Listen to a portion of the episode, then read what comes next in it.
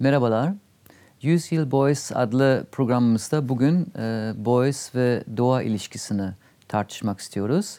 Ve bunun için Işık Üniversitesi'nden sevgili doktor öğretim üyesi Didem Kara Sarıoğlu ile beraberiz. Hoş geldiniz. Merhabalar, hoş bulduk.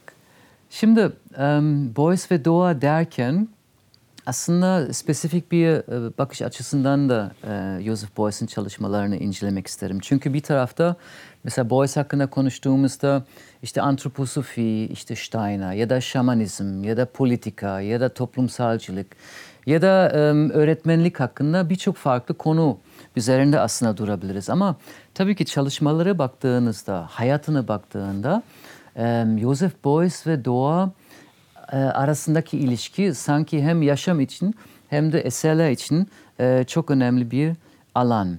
Ve e, siz daha önce e, şeyden bahsetmiştiniz. E, Boyce'un eserler, eserlerini anlayabilmek için e, yaşamın tümünü el almamız gerekiyor Boyce konusunda. Dolayısıyla yaşamayla başlayalım diyelim. E, ve e, biliyoruz ki e, Joseph Beuys'un çocukluğunda aslında e, doğa onun için e, çok önemli bir alan olarak e, değerlendirebiliriz. Biraz onun hakkında konuşabilir miyiz? Çocukluğunda e, doğa ilişkisi nasıldı? Um, şöyle, uh, 1921'de ilk önce Krefeld'de e, dünyaya geliyor ama hep e, Cleve'li bir sanatçı olarak kendini görüyor Boys. E, orada doğup büyüyor. Hmm, işte bir ara üniversite için Düsseldorf'a gidiyor ama daha sonra tekrar geri dönüyor. Ee, oranın peyzajı da çok fazla etkiliyor tabii ki Boyz'u ama dediğiniz gibi daha da böyle derinlere inecek olursak, çocukluk dönemine inecek olursak doğanın e, çok önemli bir e, şeyi var e, rolü var sanatçı üzerinde. Çünkü sanatçı çocukluk döneminde çok da dışa dönük bir çocuk değil. Yani çok fazla arkadaşı yok. daha çok evinin çevresinde oyunlar oynuyor. tabii bu savaş dönemi e, sonrası işte zorlukları, ailenin yaşam şartları gibi bir takım şeylerden dolayı hep e, etrafta bulduğu şeylerle, doğal e, nesnelerle, doğanın kendisiyle oynamayı tercih ediyor aslında. Dolayısıyla biz biliyoruz ki doğaya olan ilgi de bu dönemde başlıyor. Son derece haşır neşir diyeceğim ben bitkilerle ve hayvanlarla ve çevresiyle.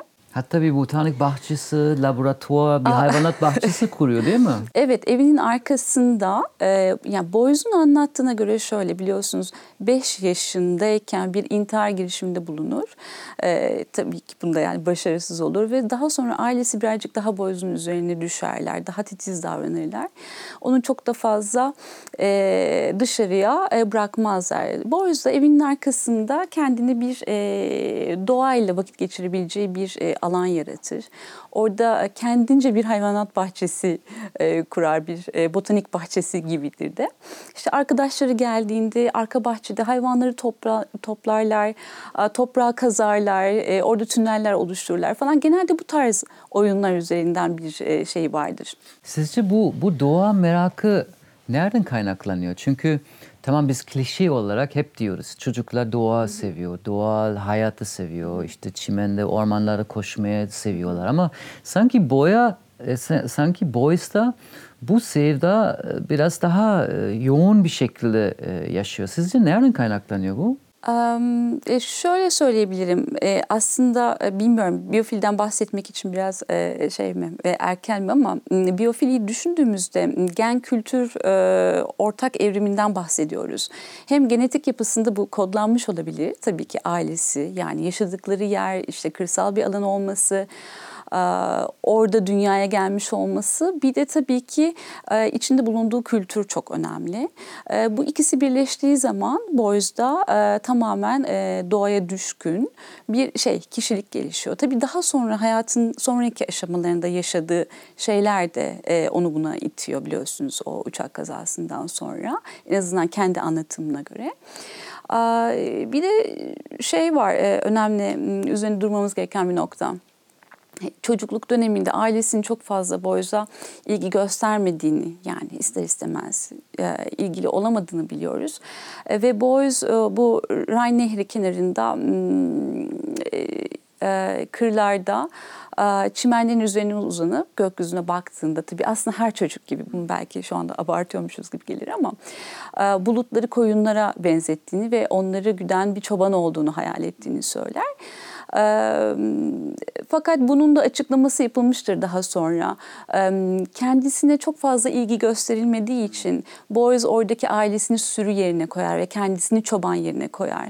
Böylece ailesinin onu göstermediği e, ilgiyi o onlara gösterir aslında hayalinde ve böylece Boys ilk sağaltımını da gerçekleştirmiş olur çocukluk döneminde. Boys'un hep tabii e, şeyleriyle e, vermiş olduğu referanslarla bunları söyleyebiliyoruz şu anda. Tabii tabii. Zaten Boyce'ın biyografisine baktığımızda biz hiçbir zaman tam emin olamadık. Hı hı. Yani ne kadar efsane, ne kadar e, kurgu, ne kadar gerçek.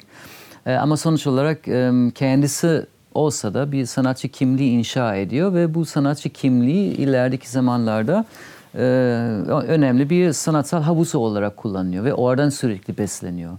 Şey bana tabii ki çok ilginç geliyor. Yani katılımcılık sanatının öncelerden biri Boyce.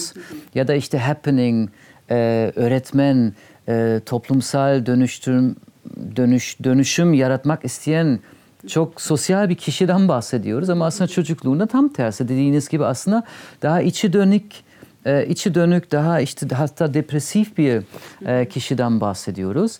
Ve bu açılım aslında ya da bu uyanış e, çok geç yaşanıyor aslında. 1960'lardan sonra herhalde. Şey ilginç bana geliyor. Tabii ki e, sonra askerlik döneminde işte bu meşhur olan işte 43'te olan kaza yaşıyor ve işte bu Tatar kabilesi sayesinde şöyle diyebiliriz yani yağ ve keçi ile tan tanışıyor çünkü yağ ve keçi sayesinde hayata dönü dönüş dönüyor diye e, kendisini anlatıyor bize. Bu bağlamda e, sanki e, çünkü biliyoruz ki 40'ların başında artık sanatçı olmaya karar vermişti. Hı o dönemde çizimleri e, yapıyordu çoğu zamanda. Fakat özellikle bu e, Tatar kabilesi ile yaşadığı olay ve o dönemdeki işte yağ ve keçiyle tanışması sanki organik malzeme kullanım için ilk olarak bir ipucu olarak mı değerlendirebiliriz? Siz bunu nasıl e, görüyorsunuz? Yani Boyz'un yine e, Boyz'un anlatımıyla. E, bu uçak kazasından sonra hayatı tamamen değişiyor. Tabii ki bunun öncesinde şeyleri var yani hayatın değişeceğine dair bir takım veriler bulabiliyoruz. Yani çocukluk döneminde işte doğayla olan e, şeyleri, oyunları, doğayı yakından tanıyor olması, sonrasında e, o radyo operatörü olduğu zaman askerde olduğu dönemlerde işte e, yine eğitime devam ettiği zamanlarda bir e, belgesel filminin çekiminde e, doğayla ilgili bir belgesel filmin çekimde yer alıyor bir iki sene boyunca. Orada da çok büyük bir etki var bana kalırsa. Daha sonra bu kazayı geçirdikten sonra tabii Tatarlar onu e, anlat, an, anlattığına göre yağ ve işte keçeye sarıyorlar. E, daha sonra Tatarların kendini kurtarması gibi artık yaralı toplumu kurtarması gerektiğini düşünüyor Boyce. E, dolayısıyla buradaki aslında ısı prensibi çok önemli.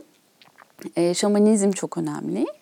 Ee, ısı prensibi derken e, biraz şey yine bu askerde olduğu dönemde ve öncesinde Rudolf Steiner'in kitaplarını buluyor ve okuyor.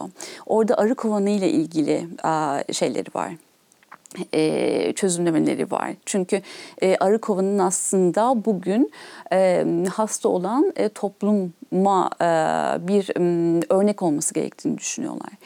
Dolayısıyla e, tüm bu şeyler sanırım bir, bir anda toplanıyor Boys'da. E, savaş döneminde bir de e, şeyde bu uçak kazasından sonra bir de e, bir askeri kampta İngiliz askeri kampında esir olduğunu biliyoruz. Orada e, çok zor zamanlar yaşıyor. Bizim anlattığımız gibi değil tabii. Orada e, bulduğu otları işte e, yenebilir otları topar, toplayarak, onları pişirerek orada hayatta kalıyorlar diğer insanlarla beraber yine Boyoz'un anlattığına göre.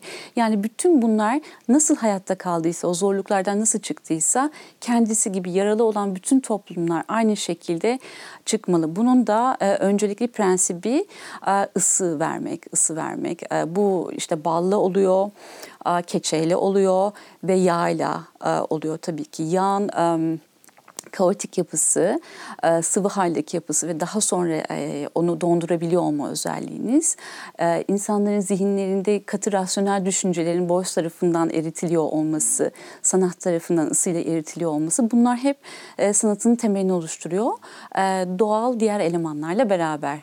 Zaten Boyce'ın söylediklerine baktığımızda sıkça modern toplumun ve modern hayatının aşırı rasyonalist e, yapısına karşı e, şamanistik ritüellere ya da işte yani görülen dünyanın ötesine, bilinen ötesine geçmeye çalışan bir sanatçı olarak biliyoruz Joseph Beuys. Ve bu bağlamda e, işte organik malzemelerinin dönüştürücü bir e, gücü olduğunu düşünüyordu. Hem işte kimya alanı, hem işte ezoterik bilim alanı, hem de fen, hem de işte kendi e, felsefesini yaratırken aslında doğadan kopuk bir insan, e, hasta bir insan e, ve doğa ile iç içe olan modern insanın birçok sıkıntı aslında bu e, kopuk halinden kaynaklandığını e, altını çiziyor. Bu bağlamda e, Rudolf Steiner'ı e, bağlantılı kurabiliriz ya da e, sizin de kullandığınız e, terim biyofilik e, sanatçı olarak ya da biyofilik bir insan olarak Joseph Beuys üzerine konuşabiliriz. Bu biyofilik e, e, terimini biraz anlatabiliyor musunuz? Aa, tabii. Edward Wilson tarafından e, ilk olarak ortaya atıyor. Aslında daha öncesi de var ama bizim bugün güncel olarak kabul ettiğimiz e, terimiyle e, Edward Wilson tarafından e, ortaya konuluyor bu hipotez. E, aslında üç kere tanımlanıyor. En son 1993 senesindeki tanımını şu anda yani güncel tanımını halen daha koruyor diyelim. 70'lerde ve 80'lerde de tanımlandı çünkü. E, insanların içgüdüsel olarak doğaya karşı bir yakınlık hissetmesi, Burada doğaya ve aslında yaşam benzeri, canlılık benzeri olan şeylere karşı da bir yakınlık hissetme söz konusu. Ama Edward Wilson da daha çok bunu şu anda şey doğa ve canlılar üzerinde inceliyor. İçgüdüsel olması ve biyokültürel ortak evrimle gerçekleşmiş olması önemli bu hipotez içerisinde ve diyor ki insanoğlu Doğu Afrika e, savanlarından bugüne gelmiştir. Biz var olmadan önce e, dünyada e, canlılık vardı. E, insanoğlu orada evrimleşmeye başladı. Dört ayak üzerinden iki ayak. İki ayağın üzerine kalktı. İşte beyni gelişti. Dolayısıyla bu yaşamış olduğu Doğu Afrika savanlarının su kenarlarında böyle bir hayal edecek olursak eğer su, e, su kenarlarındaki e, yaşamdan e, beslendi, orada üredi, e, neslini devam ettirdi ve dolayısıyla m, burada gördüğü, bildiği şeyler onlara artık keyif, bir tür keyif veriyor. Çünkü orada var olabiliyor. Dolayısıyla e, bugün e, biz içimizde doğaya olan e, bu şeye, doğaya karşı olan bu tutkuyu biyofili olarak e, adlandırıyoruz. Aslında Edward Wilson e, biyofobiyi de yani kimi zaman da doğa, doğadaki öğelere karşı biyofobik olarak e, fobik olarak davranıyoruz. Öyle tutumlar, davranışlar sergiliyoruz. Bunu da biyofilin bir parçası olarak görüyor. Yani çok büyük bir skala olarak görüyor. Bazıları da biyofili ve biyofobi birbirinden ayırıyor. Aslında aslında şeyi de referansla tekrar koyabiliriz. Yani biz biliyoruz ki e, e, Novalis Schiller'dan da etkilenmiş olan bir kişi Joseph Beuys. Yani romantizm e, ekolunu ve oradaki düşüncelere yakın olan bir kişi ve tam aslında romantizm de sizin biraz önce biyofilik e, tezleri e, savunuyordu. Çünkü o dönemdeki sanayileşen toplum, kentleşen toplum e, doğadan kopuk bir şekilde yaşıyor. Doğa bir ham madde olarak artık sadece kullanıyor ve bundan dolayı yeni bir yaşam tarzı ortaya çıkıyor. Ve bundan dolayı aslında hem işte dünyadan hem de doğadan e, kopuk bir şekilde duyumsal boyutlarımızı ve duygularımızı ihmal ederek aslında bir felakete doğru gidiyoruz diyorlar romantik düşünceleri ve sanatçıları. İşte Caspar David Friedrich'in resimleri belki aklımıza gelebilir. Bu yüzden e, belki bunlar çok erken biyofilik sanatçılar olarak değerlendirirken Joseph Beuys bunu tabii ki çok somut bir şekilde altını çiziyor ve dediğiniz gibi e, hem işte kendisi bir model olarak gösteriyor hem de hakikaten somut olarak bu toplum iyileştirmek istedi. Dolayısıyla biyofilik bir sanatçı olarak ya da işte doğa tema üzerine çalışan hem estetik hem içerik hem malzeme seçim e, konusunda Beuys nasıl değerlendirebiliriz? Mesela bu biyofilik yansıtmaları e, atıyorum malzeme seçiminde görebilir miyiz? Aa, görürüz tabii. Ee, şöyle aklıma ilk gelen e, çalışmaları hemen e, mesela bu Çakal'la gerçekleştirdiği e, Çakal Amerika'yı seviyorum, Amerika'da beni seviyor 1974 tarihli olan çalışması e, hemen e, ön planda. Bir de 7000 Meşe e, e, çalışması şu anda hemen aklıma geliyor. E, Dokümante 7'de gerçekleştirdiği. E, belki bunları birazcık değinebiliriz. Buradaki çakala, e, çakaldan bahsetmek gerekiyor. Amerika'da gerçekleştirdiği ilk çalışma. Bu çakal çalışması için Amerika'ya gidiyor ancak kimseyi görmek istemiyor. Sadece çakalla iletişim kurmak istiyor. Bunda bir sebebi var. Amerikan yerlerini te- temsil ediyor aslında çakal boyuz için. Paleolitik dönemde çünkü e, Sibirya'dan e, atalarının daha doğrusu Çakal'ın atalarının o dönemde e, oradan göç ettiğini e, düşünüyor. Boyz'un da tabii orada bir e, şey var. Şamanlardan gelen ve Tatarlar tarafından kurtarılmış bir Boyz e, kimliği var. E, dolayısıyla aslında e, Amerikalıların bu Amerikan yerleriyle ilgili olan problemlerini gidermesi gerekiyor. Tıpkı Alman toplumu gibi Amerika, Amerikan toplumunun da bir takım yaraları var. İyileştirilmesi gereken Boyz'a göre. Bu yerleriyle barışması gerekiyor. Beraber Çakal yaşamayı. aslında adeta bir simge olarak Amerika kendisi evet, olarak değerlendiriyor evet, değil mi? Evet, ta kendisi e, e olarak yani e, Amerikan yerlisi olarak değerlendiriyor. E, dolayısıyla ona bir performans yapma ihtiyacı e, var. E, çünkü e, milyonlarca çakal öldürmeye çalışmışlar e, Amerikan tarihinde ama başarılı olamıyorlar. İşte siyanürler kullanıyorlar, bir takım patlayıcılar kullanıyorlar, zehirler kullanıyorlar falan. Dolayısıyla barışıyor olmak lazım lazım. Üstesinden gelmek lazım. Beraber yaşanabiliyor olduğunu göstermek lazım. Çakal'la beraber işte birkaç gün, üç gün boyunca yanlış hatırlamıyorsam bu e, galeride parmaklıklar arasında bir performans gerçekleştiriyor. Tabii aslında yine bu performansı gerçekleştirmesini, gerçekleştirebiliyor olmasının bir sebebi de bana kalırsa liseyi bitirmeden önce bir sene boyunca Kli'deyken Boys oraya gelen bir sirkle beraber kaçıyor. Babasını son derece sinirlendiriyor. Sirkle beraber işte gittiği yerlere afişler e, tasarlıyor, asıyor ve oradaki hayvanların bakımını üstleniyor. Bu çok önemli bir şey. Çünkü daha sonraki performanslarında yani şeyde de bence bu ölü bir yaban tavşanına resim nasıl açıklanır çalış, çalışmasında da bence işte tavşanı canlıymış gibi hareket ettirirken o ufak videolarını izlediğinizde ne kadar ustalıklı ve gerçekten bir an acaba o tavşan ölü değil mi diye düşündüğünüz oluyor. Bütün o hareketleri bana kalırsa o sirkteki tecrübelerinden e, kullanıyor. Tabii ki de hayatın daha e, önce, hayatını daha önce edinmiş olduğu bu tecrübeleri de e, işlerinin bir parçasına dönüştürebiliyor olması. Yani yaşadığı belki de negatif şeyleri pozitife dönüştürebiliyor olması. Hem biyofilik bir kişiliği tanımlar bana kalırsa hem şamanizmle alakalıdır hem de sağaltımın kendisiyle alakalıdır.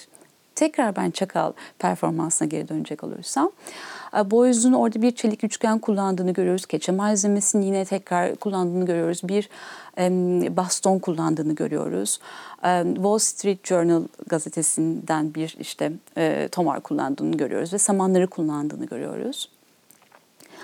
Ee, e, burada hep e, şeyler, biyofilik e, uyaranlar var burada. El feneri var, eldiven var bu arada malzemelerin arasında. Bir de belki o Unvel teorisine de birazcık giriyor. İki canlı yani daha doğrusu işte farklı canlılar bir ekosistem içindeler ama hepsi e, kendi gözünden olduğu e, ortamı algılıyor. E, dolayısıyla boyzla çakal evet aynı galerideler ama aynı şeyi acaba algılayabilecekler mi? Nasıl anlaşacaklar? Bu çok önemli. Dolayısıyla ikisinin de aslında genetik kodlamasında olan şey var. Ortaklık ataları var. O şamanizm ve o zaman çakalın atasıyla beraber bir olma durumu. E, hatırlatmak istiyor. Oradaki baston mesela zaman zaman bir ço- çoban işlevi de görüyor, güdüyormuş gibi. Ama aynı zamanda sirkte belki de işte o vahşi hayvanları sizden uzak tutmak için bir şey olarak da bir hmm, araç olarak da kullanılıyor. Sanırım oradan da besleniyor. Çakalla tabii şey bu aynı ortamı paylaşabilmesi için insanlar konuşur birbiriyle göz göze bakarlar bu yeterli ama çakalda koku da lazım. Dolayısıyla boy zaman zaman keçesinden çıkar onun samanın üzerinde yatar. Şeyde çakal da gelip onun keçesini paylaşır. Hem ısı hem de koku paylaşımı yaparlar. Bunlar çok önemli. Oradaki e, gazetenin üzerine işte tuvaletini yapar çakal. Bunun da o toplum için bir o anda neye önem veriyorlar? Aslında değer vermeleri gereken şey nedir? Hep bunun mesajları vardır. O zaman şu anda e, Boğaz ve doğa ilişkisini konuşurken biz malzeme seçimden bahsettik ve orada organik e, malzemeleri kullanıyor. Yani işte bal, keçi ya da işte yağ örneğin. E, öbür tarafta şimdi hayvanlardan bahsediyorduk. Şimdiye kadar işte tavşandan bahsettiniz, işte çakaldan bahsettiniz. Yani bu bağlamda demek ki hem malzeme olarak somut e, bir üretim malzemesi olarak organik e, malzemeleri kullanıyor hem de e, biyofilik imgeleri kullanıyor demek ki değil mi? Neler kullanıyor? Tavşan gördük, çakal gördük. Ne vardı? At da vardı değil mi? E, at var evet. E, atı sıkça kullandığını görüyoruz. E, geyik de var. A, geyik, geyik tabii ki. geyik, geyik olmazsa olmazı. Aslında e, geyiğin boynuzları çok önemli boyuz için çünkü. E, boynuzları özellikle bir e, şey e, tavşanda da öyle, e, geyikte de öyle. Yabani e, bu e, yaban tavşanı nasıl, nasıl e, resim açıklanır da o özellikle yaban tavşanı bu arada hep biz şeylerde tavşan olarak çeviriyoruz ama özellikle kendini boyza yaban tavşanı olarak görür onların hareketlerinden. Geyikte de özel bir geyik türünden bahseder. E, çünkü onun bahsetmiş olduğu geyik türü her sene şey boynuzlarının boynuzlarını değiştirir. Böyle tüylü kadifemsi bir yapısı vardır. İçinde şeyleri var kılcal damarları var. O dövüş sezonu bittikten sonra her sene bir dal daha şey gibi ağacın dalları gibi çıkar. O şeyler e, geyiği kullanması da antenlerden dolayıdır. O da biraz şamanizmle alakalı aslında bakacak olursanız. E, gök katlarından gelen bilgileri e, yeryüzüne iletmek belki de bir aracıdır boys gibi e, şey e, geyikte. E, ilgisi oradan e, geliyor. Kan dolaşımının olmasından, e, sürekli kendi yeniliği olmasından. Yaban tavşanında da aynı şey var. Boyozun düşünsel olarak yaptığı şeyi fiziksel olarak yapabilen hayvanlar bunlar. E, kazıyor ve tekrardan e, toprağın altından doğuyor tavşanda. Aslında şey de ilginç e, geliyor bana. Ben bu arada Claire'i biliyorum. Krefeld biliyorum. E, çünkü e, benim doğup büyüdüğü şehri Ham aynı eyalette. Krefeld'de de çok yakın bir arkadaşım oturuyordu. Ve Krefeld işte Hollanda'ya yakın olduğundan dolayı sıkça işte biz Hollanda'ya giderken oradan geçiyordu. Bu yüzden Kleve etrafındaki peysaj ve oradaki doğasını iyi biliyorum. Yani bir anda geniş ve açık bir peysaj. dağları, tepeleri pek yok. yeşil, e, ormanları çok. Hatta orada kutsal orman diye bir orman var. O da mistik bir orman.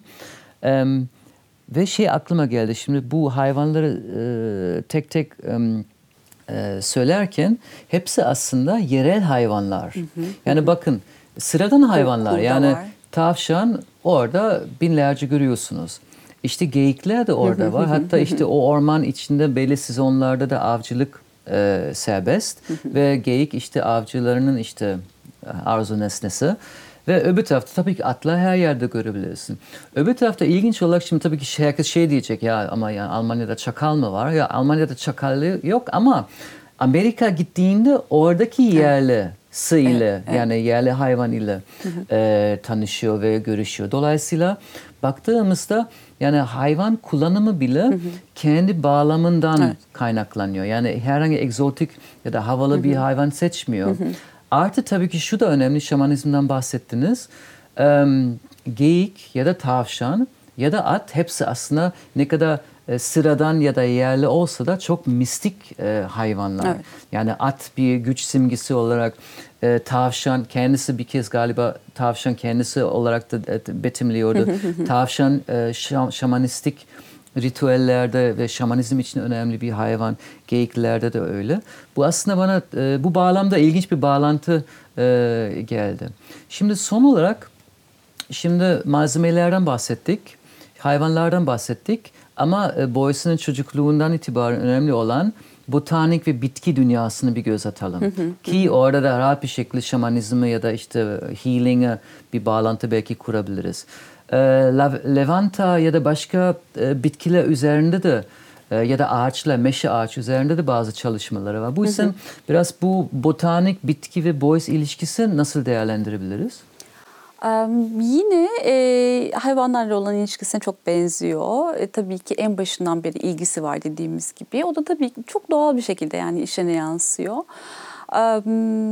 Burada lavanta filtresi diye bir şey var, çalışması var. Lavantanın o uçucu kokusundan tabii ki lavantanın yapısı gereği işte rahatlatıyor olması, işte stresi azaltıyor olması gibi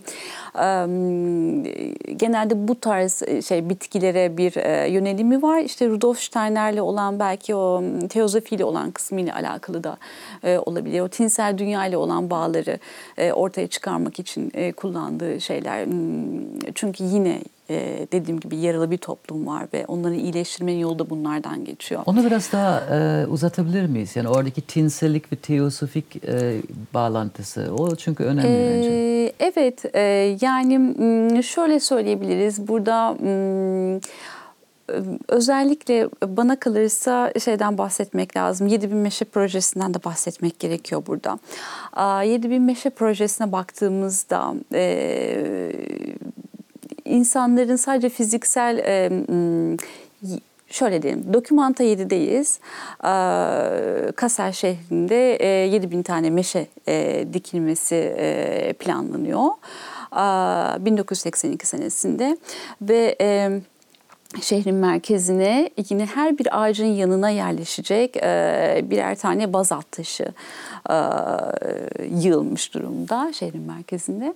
E, Boyuz'un şöyle bir düşüncesi var. E, bu sağaltım için, toplumun sağaltımı için e, toplumun daha sağlıklı bir ortamda da yaşıyor olması lazım. Yani biraz kasilinde nefes alıyor olması lazım. İnsanların bunun e, bir parçası olması lazım. Belki buradan birazcık sosyal heykel kavramına da aslında e, giriş yapıyor olmak lazım. E, Çünkü toplumun iyileştirebilmesi için insanların bir arada birleşik bir efor sarf ediyor olması lazım. Yine e, sosyal heykel kavramına değinebilmek için de burada arı kovanına dönmek gerekiyor aslında. Yine yani tinsellik ve bir toplum düzeninden bahsedeceğimiz için e, arı kovanını örnek alıyorlar. E, kendilerini Rudolf Steiner alıyor ve Boyce buradan onun okumasını yapıyor. E, arı kovanı içerisinde bal mumu üretimi ve bal üretimi çok önemli. Nektar e, çok önemli. E, burada m, arıların e, karınlarındaki işte keseciklerden sıvı olarak aslında ilk önce bal mumu e, çıkıyor ama havayla birleştiği zaman o puldu pulsu e, yapı meydana geliyor. Onu daha sonra çenesiyle yoğuruyor ve bal mumunu ortaya çıkarıyor. Bu e, arının kendi bünyesine yaptığı bir şey ve balın zaten özelliğini biliyoruz.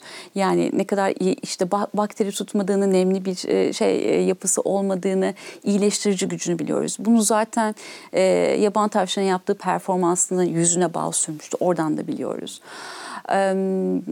Bir taraftan bal mumu üretimi var e, arıda, E, bir taraftan da çiçekten topladığı nektar var. E, Çiçekten topladığı nektarı da direkt olarak kendi vücudunda işte yutuyor ve karnındaki e, mi- midesinde e, onu e, bala dönüştürüyor bir, bir süre sonra bizim bildiğimiz anlamda bal oluşuyor. İçsel bir şekilde e, kendi içten dışarıya doğru bir e, şey var. E, ısıyla e, oluşan bir e, heykel fikri var aslında bakacak olursak. Yaklaşık işte 35 derece olması gerekiyor arının bal ve bal üretebilmesi için. E, niye bunları anlatıyorum? Çünkü her bir arı bu ısıyı soğuk havalarda doğal ortamdan bahsediyorum tabii. Bunu e, bu ısıyı muhafaza etmek zorunda. E, o yüzden bazen kovanın dışında işte salkım şeklinde durabiliyorlar. Burada ortak bir amaç için arılar bireysel çıkarlarını ikinci plana atıyor, hiçe sayıyor. E, Boğaz için toplumda da bu yapılmalı. Dolayısıyla sosyal heykel insanların bir arada toplumu iyileştirmek için bir arada bir şeyler e, üretiyor olması, her insanın sanatçı olması, evet böyle dedi ama aslında her insanın yaratıcı olmasını kastediyor burada. Yaptığı işi yaratıcılıkla yapıyor olması down e, aslında bahsediyor yine eğitim sistemine de sıçrayacağım burada. Çünkü orada da biliyorsunuz Boys işte 400'e yakın üniversitede profesör olduktan sonra 400'e yakın öğrencisi oluyordu sınıfında ve sonra e, üniversiteden atılıyordu. E, çünkü çok fazla kapasiteyi zorladığı için ama Boys'a göre e, bütün bölümler aslında temelinde sanat eğitimi almalı. Çünkü sanatla bir iyileştirme olacak. Sanatla bir ısı topluma yayılacak. 7000 meşe dönüyorum. 7000 meşede e, her bir e, meşe ağacının yanına bazalt taşı dikilecek ama bu proje büyük e, umutla başlanan bu proje aslında e, ilk önce reddediliyor. Çünkü çok basit bir sebebi var. İnsanlar e, otoparklarını e, kaybetmek istemiyorlar sokaklardaki yer, ya da işte yeraltı e, ağaçların kökleri acaba yer altındaki sistemlere zarar verecek mi gibi bir takım kaygılardan dolayı proje uzuyor. Ancak 1987 yılında Boyce bir sene önce hayatını 86'da hayatını kaybediyor. Oğlu son ağacı Boyce'un ilk ağacının yanına dikiyor. Burada e, meş ağacı çok önemli. Meş ağacı yine şamanizme gidiyor. Şamanizmde kutsal bir ağaç. Onun dışında yedi sayısı çok önemli. Ama Boyz diyor ki sadece şamanizmle alakalı olduğu için meşeyi kullanmıyorum tabii ki. Kaser'de bu ağaç yaşayabiliyor olduğu için. Zaten dünyanın farklı yerlerinde bu proje devam ediyor ve o, o proje kapsamında başka ağaçlar da kullanılıyor. İşte bazen bu, bu evet. projede öğrencilerle ya da insanlarla konuşurken insanlar şey diyor ya bırakın artık yani işte ben de de ağaç diktim sanatçı mı oldum? ya bir tarafta şey Joseph evet. Beuys herhalde şey de, derdi sen zaten sanatçısın. Ama şaka bir tarafta ben e, hep şöyle bir cevap veriyorum yani beton eğer sanat bir iletişim araçsa, eğer sanatının e, toplumsal ya da genel bir fonksiyonu olsa, e, olsun diye istiyorsak şey sorgulamamız gerekiyor. Hangisi daha faydalı ya da hangisi daha önemli? Bir peysaj boyamak mı? Bir resim yapmak mı? Yoksa hakikaten 7000 tane meşe ekmek? Bu bağlamda tabii ki 7000 e, e, meşe bir e, kenti kazandırmak e, çok çok daha önemli bir e, eylem diye düşünebilirim. Aynı zamanda tabii ki şey de ilginç yani çoğu yani kamusal alanda mesela bu 7000 meşe kamusal alanda olan bir bir proje. Ama mesela işte bu çakal performansı ya da işte bu e, bal pompası ya da işte çoğu çalışmaları tabii ki galeri alanında yapıyor ve bu bağlamda yani normalde steril olan ve burjuvazinin kutsal mekanın içinde bunun gibi tuhaf eylemler ve tuhaf malzemelerle aslında bu mekanı da dönüştürüyor. Daha pasif bir elitist mekandan aslında bir paylaşım platformu dönüştürüyor. Çünkü insanlarla beraber orada bir şey yapıyor. Ya da işte bu çakal performansa baktığımızda orada hazır bir yapıt yok. Yani René Bloch 74'te bu e, sergi ya da bu performans e, açarken e, orada bir çakal ve bir Joseph Beuys var ve onların arasındaki iletişimi izliyorduk ve oradan hiçbir şey kalmazdı birkaç tane fotoğraf ve bir video dışında. Yani demek istediğim şu, um, Joseph Beuys'e baktığımızda aslında malzeme kullanımında, e, çalışma prensip konusunda sanat felsefesi olarak yani hem doğa ilişkisi işte hem de ezoterik bilimlerle olan ilişkisi sayesinde. Katılımcılık üzerine çalı, yaptığı çalışmaları, işte toplumsal heykeli, toplum bir gesamt kunstwerk, bir tüm yapıt, sanat eseri olarak değerlendirirken ve her particle, her insan aslında bunun bir parçası olarak kendisi bir sanatçı oluyor. Çünkü o da dönüştürüyor, o da yaratıyor diye. Yani birçok yerde aslında hem toplumu iyileştirmek hem de sanat ortamı iyileştirmek hem de dediğiniz gibi sanat eğitimi de iyileştirmek istiyor. Ve bu ise belki son an son olarak belki son konusu şey belki tekrar altın çizmemiz gerekiyor. Sizce bu sanat tanımının genişletmesi konusunda Boys bir ne kadar önemli, iki ne kadar başarılı oldu? Bence yani e, tabii ki de m, sanat kavramını, heykel kavramını genişletiyor.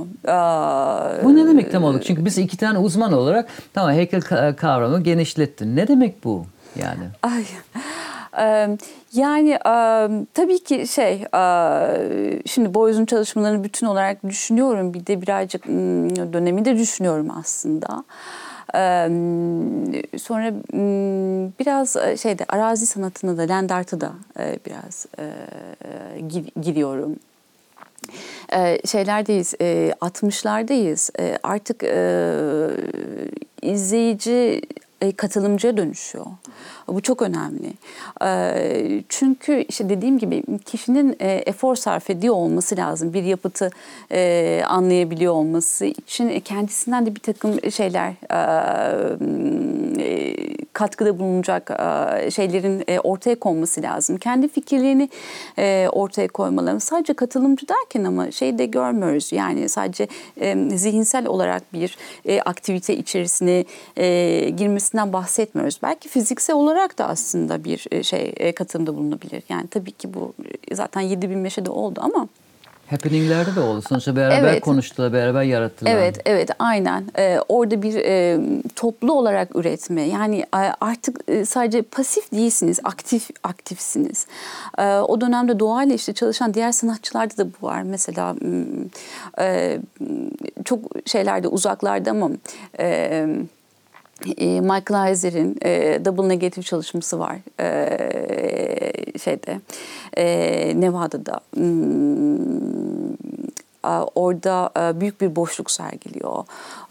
Ve diyor ki ben buraya hiçbir şey eklemedim ama bu yine de heykel diyor.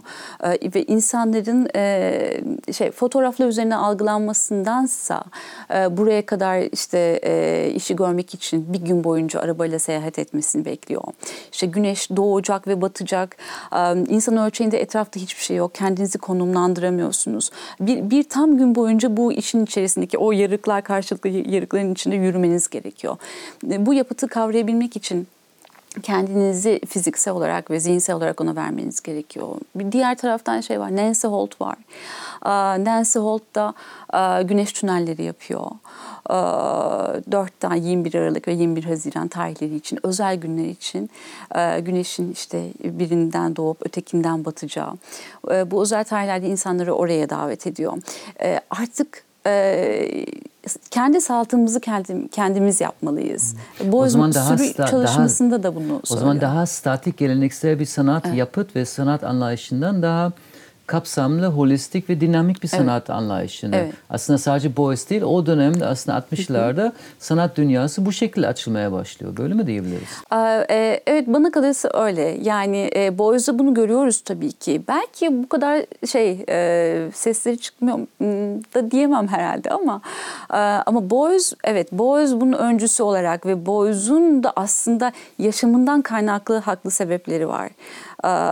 Yani Boys daha temel gibi belki Boys evet bunu ortaya koyuyor. Eş zamanlı onlar oluyor ama Boys'un yaşamı ya da ortaya koyduğu gerekçeleri çok şey yıkılamaz. Belki diğerleri evet böyle bir şey var buna katılmalıyız diyebilirler ama Boys gerçekten bunu hissediyor ve bir yaşayarak ortaya koyuyor. O yüzden.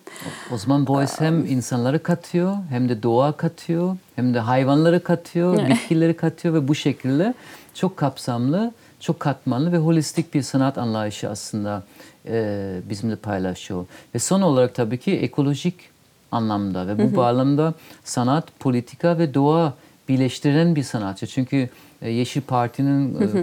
E, yani eş kuruculardan birisi 70'lerin sonunda aslında onu da e, hayatının bir parçası olarak ve sanatçı kimliğin bir parçası olarak aslında görebiliriz. Çünkü oradaki toplumsal aktivizm bu sefer siya- siyaset alanında gerçekleştiriyor ama hangi partide? Yeşil Parti. Evet. Ve Yeşil Parti tabii ki özellikle e, ilk senelerde işte hem nükleer e, enerjisine karşı hem de her türlü e, doğa doğaya karşı felaketleri e, yaratan işte kapitalizm ya da işte sanayi ya da neyse ve ve doğa e, korumaya çalışan bir parti olarak biliyoruz. Ve onların arasında yer alması da e, son derece önemli. Ve bu bağlamda aslında tekrar bir önce olarak ekolojik sorunlar üzerine dur- e, duran bir insan olarak Joseph Beuys e, görebiliriz değil mi? Hı hı, Evet evet. Yani şey bataklık aksiyonu vardı mesela orada da.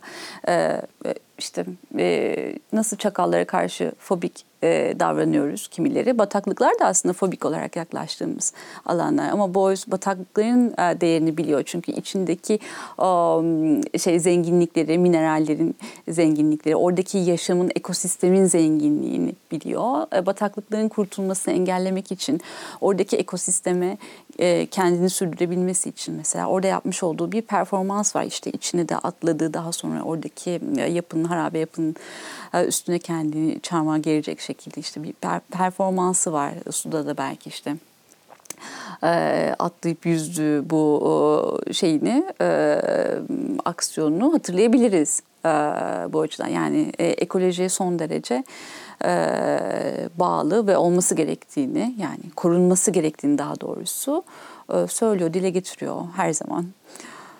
Okey. Çok teşekkürler Didim Hocam. Ee, özellikle son söylediğinizden dolayı aslında birçok alanda önce olduğunu söyledik. İşte işte happening, performance, katılımcılık vesaire. Ama aynı zamanda aslında eko sanatında da bu bağlamda önemli bir sanatçı ve bence özellikle işte e, Beuys sayesinde bizim normalde doğadan bir kültür parçası olarak sanat ortamı onun sayesinde yeniden aslında doğa başka bir bakış açısından değerlendirmeye başladık ve sadece pasif bir izleyici olarak değil aslında doğa ile e, iç içe olarak e, çalışan bir sanatçı olarak doğanın ne kadar önemli bir kaynak olduğunu ve doğa ile iç içe olmadan biz de bir şekilde olamıyoruz diye altını çizen bir sanatçı. Çok teşekkürler. Ben teşekkür ederim. Ee, şimdilik bu kadar arkadaşlar. Gelecek ay başka bir sanat uzman ile e, Fırat Arapoğlu e, ile beraber olacağım ve e, 100 yıl Boys e, programımızda e, Boys ve Fluxus e, üzerine konuşacağız. O zamana kadar e, doğa ile iç içe olun, doğal olun, e, sağlıklı olun, mutlu olun. Görüşmek üzere.